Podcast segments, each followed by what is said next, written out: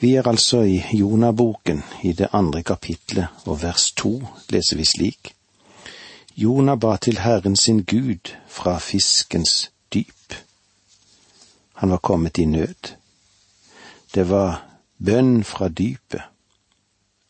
Han som sørget for at stormen skulle komme utover det store hav, han sørget også for at det skulle finnes en fisk. Å falle i dypet var det samme som å synke ned i Guds armer.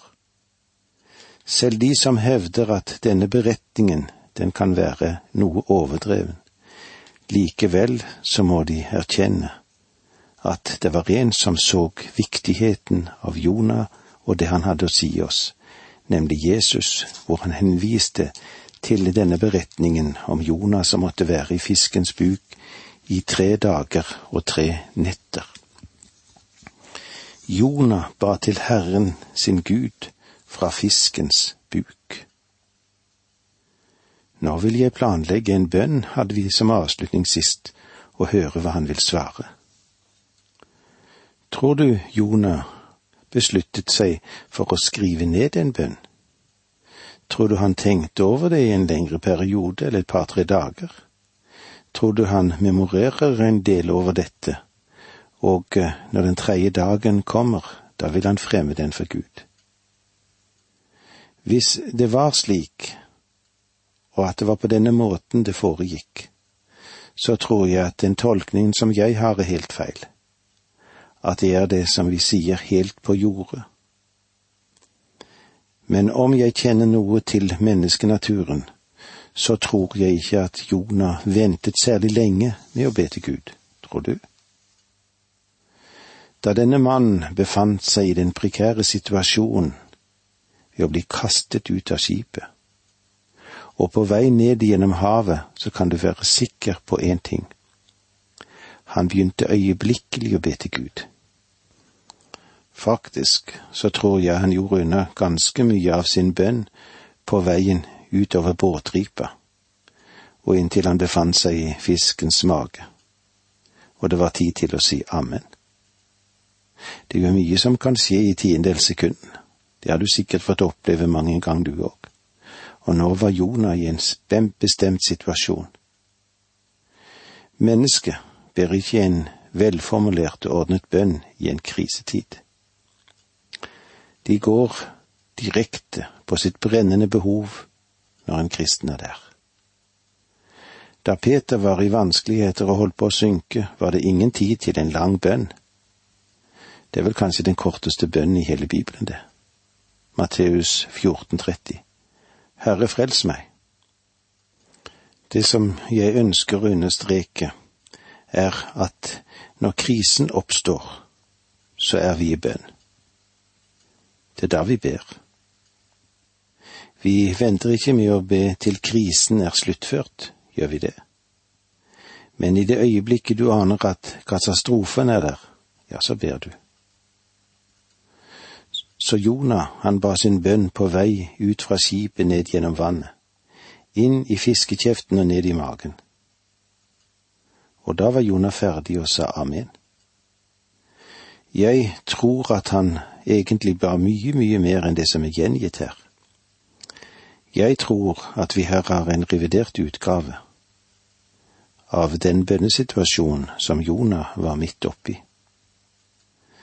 Denne bønnen som er nedtegnet her, er nærmest et komprimert utgave av det Jonah var opptatt av å be om, og legge det frem for Herren under hele den kriseperioden som han var innom. Jonah ba til Herren sin Gud fra fiskens buk. La oss gå videre i vers tre i kapittel to. Han sa, Jeg kalte på Herren i min nød, og han bønnhørte meg. Jeg ropte fra dødsrikets dyp, og du hørte min røst. Jeg kalte på Herren i min nød, og han bønnhørte meg. Legg først merke til at Gud hørte Jonas sin bønn. Ordet som ble brukt her for dødsriket, er Hesol, og er et originalt hebraisk ord. Det ble av og til oversatt i Skriften med ordet grav, og andre steder er det oversatt den utsette verden, det vil si dit hvor de døde drar. Dette er et ord som uansett hvordan en ser på det, har å gjøre med døden. Det er et ord som alltid går i retning av kirkegården, og du kan ikke bruke dette ordet til noe annet. Og derfor er denne tolkningen som jeg har, at Jonas sier at denne fiskemagen var hans grav, og graven er et dødens sted. Du legger ikke et levende menneske i en grav. Jonah var seg bevisst at han kom til å dø inni fisken, og at Gud ville høre ham og oppreise ham fra de døde. Det var et mirakel om Gud holdt ham i live i fiskens buk i tre dager og tre netter. Men vil det ikke være enda større mirakel om det er slik at Jonah døde i fiskens buk, og at Gud oppvakte ham fra de døde etter tre dager og tre netter?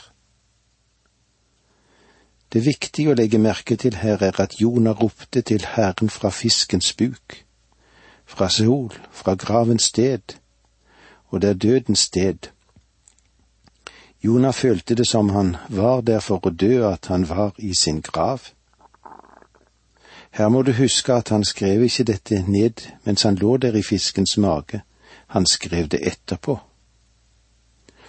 Jeg er klar over at det er sikkert mange som ikke vil akseptere eller kan svelge mitt synspunkt i denne saken.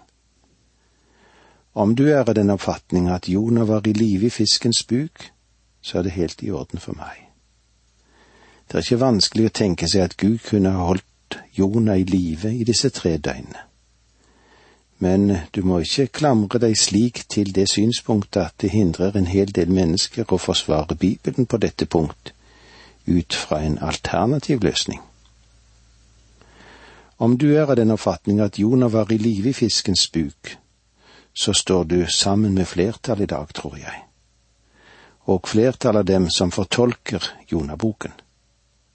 Og du er i et svært godt selskap, så jeg skal ikke tvinge deg til å bryte opp fra den oppfatningen. Men du kan i alle fall bruke litt tid til å tenke gjennom denne historien en gang til. Nei, la meg få lov til å understreke meget nøye og meget klart at det ikke er et spørsmål om Gud var i stand til å holde Jonah i live i fisken eller ikke. Gud kunne holde ham i live. Spørsmålet er mer holdt Gud sin profet i live? Var underet det å holde han i live, eller var underet det å oppreise ham fra de døde? Siden denne boken illustrerer oppstandelsen, så heller jeg til den oppfatning at Gud oppreiste denne profeten fra de døde. Om jeg etter å ha snakket med Jonah i himmelen en stund får vite at han egentlig var i live i tre dager og tre netter i fiskens buk, så kan du banke på min dør og si, var det ikke det jeg sa? Da må jeg bekjenne at jeg hadde feil. Men la den nå henstå til selve situasjonen dukker opp. Men jeg tror at en tolkning jeg har ikke gjør vold på teksten. Kan sees på som ubibelsk, eller at jeg fastholder den som den eneste mulighet. La meg få lov til å understreke at dette er ikke spørsmål om et menneske kan holdes i live i en fisk. Det går historier om mennesker som er blitt slukt av havdyr, og som har opplevd å kunne fortelle sin historie. Så langt jeg vet finnes det to hvaler eller haiarter som vil gi muligheten til å gi et menneske et slikt opphold. Jeg bare nevner det. Jeg kan verken bekrefte eller avkrefte. Men det antyder i alle fall at et menneske kan ha levd i en fisk. Men uh, fjerner også den særlige karakter som Jonas' erfaring innebærer, særlig fordi den knyttes så sterkt til Jesu oppstandelse. Kanskje det var slik at Gud oppreiste Jonah fra de døde. Men la meg igjen få minne dere om at spørsmålet vi har foran oss ikke er om Gud kunne holde en mann i live i tre dager og tre netter i en fiskemage.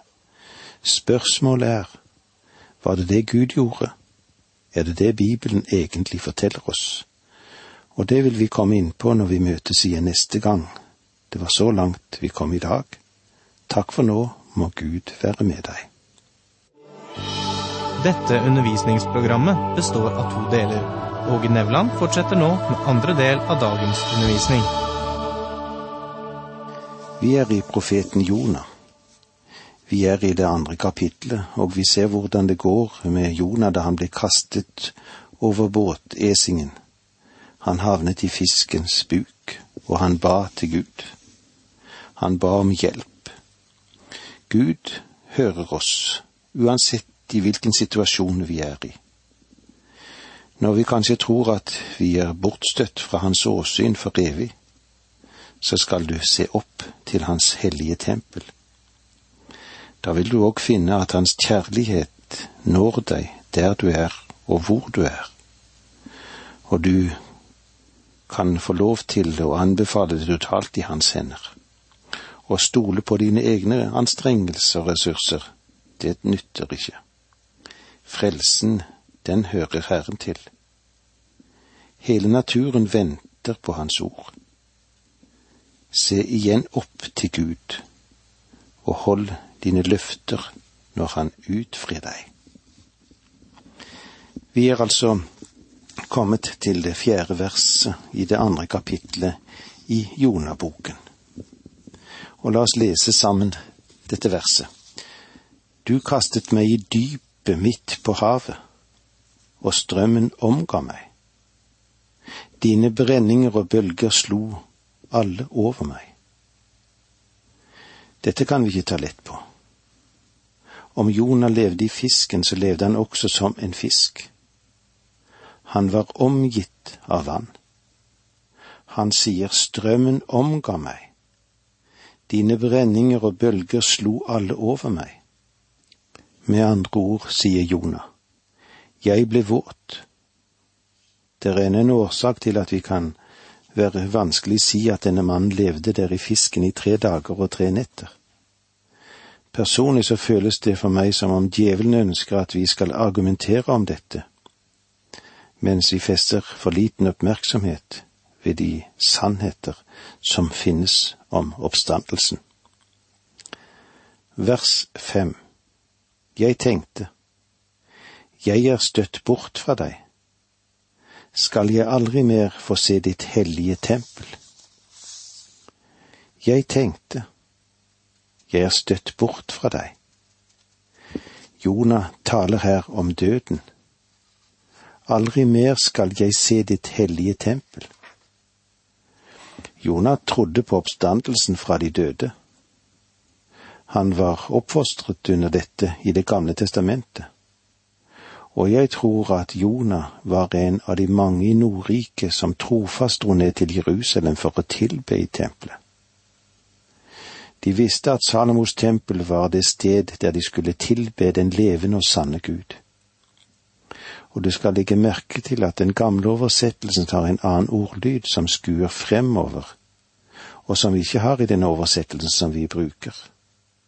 I den gamle oversettelsen så står det slik. Jeg tenkte, jeg er støtt bort fra dine øyne, men jeg skal atter skue opp til ditt hellige tempel. Det vil også si at Gud vil ta hånd om ham igjen og reise han opp igjen.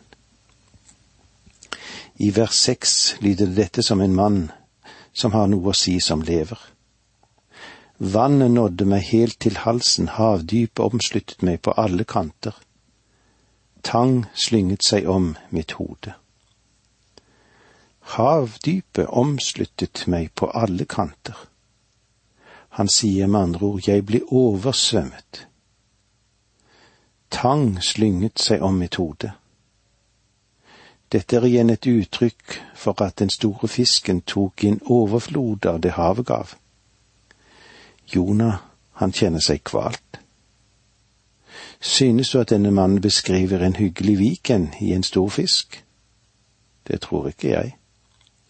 Jeg tror at han forsøker å fortelle oss at han ble dratt ned i dypet, og at han døde. Vers syv i andre kapittel her i Jonah. Til fjellenes grunn får jeg ned. Jordens bommer lukket seg etter meg for alltid. Men Herre min Gud, du førte meg levende opp av graven. Til fjellenes grunn for jeg ned. Jordens bommer lukket seg etter meg for alltid. Dette er en meget interessant oversettelse, for det er slik en taler om døden. Jonah taler her om dødens bommer, og det betyr at det ikke er noen mulighet til å vende tilbake. Men Herre min Gud, du førte meg levende opp av graven. Graven er døden. Apostelen Peter brukte dette ordet slik i sin pinsepreken da han sa at den Herre Jesus ikke skulle bli dødsrike. Dette kan du se om i Apostelens gjerning i kapittel to, vers 25 utover. Underet med den Herre Jesus er at da han døde, skulle han ikke se tilintetgjørelse. Hans legeme skulle ikke tilintetgjøres. Det er forskjellen mellom Jonah og den erfaring han hadde, og Herrens erfaring. Jonah så tilintetgjørelse. Det virker sannsynlig at hans legeme begynte å få tegn på oppløsning disse tre dager og tre netter i saltvann. Men Herre min Gud, du førte meg levende opp av graven. Det vi har her, etter min vurdering da, er et vitnesbyrd om at Jonah døde. Underet her er oppstandelse, og det er i mine øyne et større under enn at en mann klarer å leve i en fisk i tre dager. Jeg tror at det er svært viktig at vi har en bok i Det gamle testamentet som peker på Jesu Kristi oppstandelse. Oppstandelsen er en av de to pilarene i vår frelse som kirkens skip er reist på. Kristi død og Kristi oppstandelse. Du finner begge disse to markert i Det gamle testamentet. Og denne boken er en illustrasjon til hans oppstandelse. Vers åtte Da min sjel var kraftløs, kom jeg Herren i hu, og min bønn nådde opp til deg, til ditt hellige tempel. Jeg tror at en antagelig forklaring på dette ville være at da denne mannen ble slukt av en fisk, så ble han redd. Og han begynte øyeblikkelig å rope til Gud om utfrielse der han var på vei ned i fiskens spiserør. Min sjel var kraftløs. Det må ha sikkert tatt en fem minutter før Jonah mistet bevisstheten. Men før han gjorde det, så sa han, kom jeg Herren i hu. Og eh, det er nå han begynner å be. Jeg tror neppe at han ba sin bønn den tredje dagen, etter at han hadde tatt, hatt de tre dager der å gjøre bot og ransake sin sjel. Jonah har tidligere sagt at hans sjel ble våt. Nå sier han at han ble kraftløs i ham, og jeg tror at det betyr at han mistet bevisstheten i fisken og min bønn nådde opp til deg, til ditt hellige tempel. Før han mistet bevisstheten og før døden kom, hadde denne mannen allerede bedt. Nå observerer Jonah noe her som er en av de store markører der du finner, som du finner i Guds ord. I vers ni. De som dyrker falske og gangløse guder, har oppgitt sin troskap mot deg. Så langt har jeg hatt vanskeligheter med å finne en tilfredsstillende forklaring på dette verset. Men la meg få gi en forklaring så langt som jeg er kommet til den. Dette er ennå et av de store prinsippene i Skriften. Jonah taler her om de gagnløse guder, det vil si de tomme guder. Dette er guder som bare er drømmer eller erstatninger for alt det mennesker vil henvise til Gud, og de har ingen betydning for det virkelige liv. Han sier at mennesker som dyrker disse gangløse guder, de har vraket den eneste nåde de kan motta. Denne gangen sier Jonah at jeg ropte på den levende og sanne Gud, Jeg lekte ikke lenger den surmulende profet som stakk av til Tarsis, den i motsatt retning av det Gud ville at jeg skulle gå. Det var fordi jeg hatet nivenittene, og jeg ønsket ikke at de skulle bli frelst. Men nå har jeg kommet til realitetene. Nå har jeg en sann erkjennelse. Denne mannen sier, nå har jeg sluttet en avtale med Gud. Jeg appellerte til ham, til hans barmhjertighet, og jeg fant at han var barmhjertig mot meg. Jonah ropte til Gud, og nå viser han sin takknemlighet ved å si som det står i vers ti. Men jeg vil ofre til deg med takkesang. Det jeg lovt, vil jeg holde. Frelsen kommer fra Herren. Men jeg vil ofre til deg med takkesang. Det er eh, vanskelig å forestille seg hvilken takknemlighet denne mannen kjente i sitt hjerte og liv når fisken gulpet han opp på et tørt land. Han var nok et sørgelig syn, men han oppløftet sin røst med takksigelse til Gud, som hadde fridd ham ut og oppreist ham fra de døde. Og med disse ordene vil vi si takk for nå, må Gud være med deg.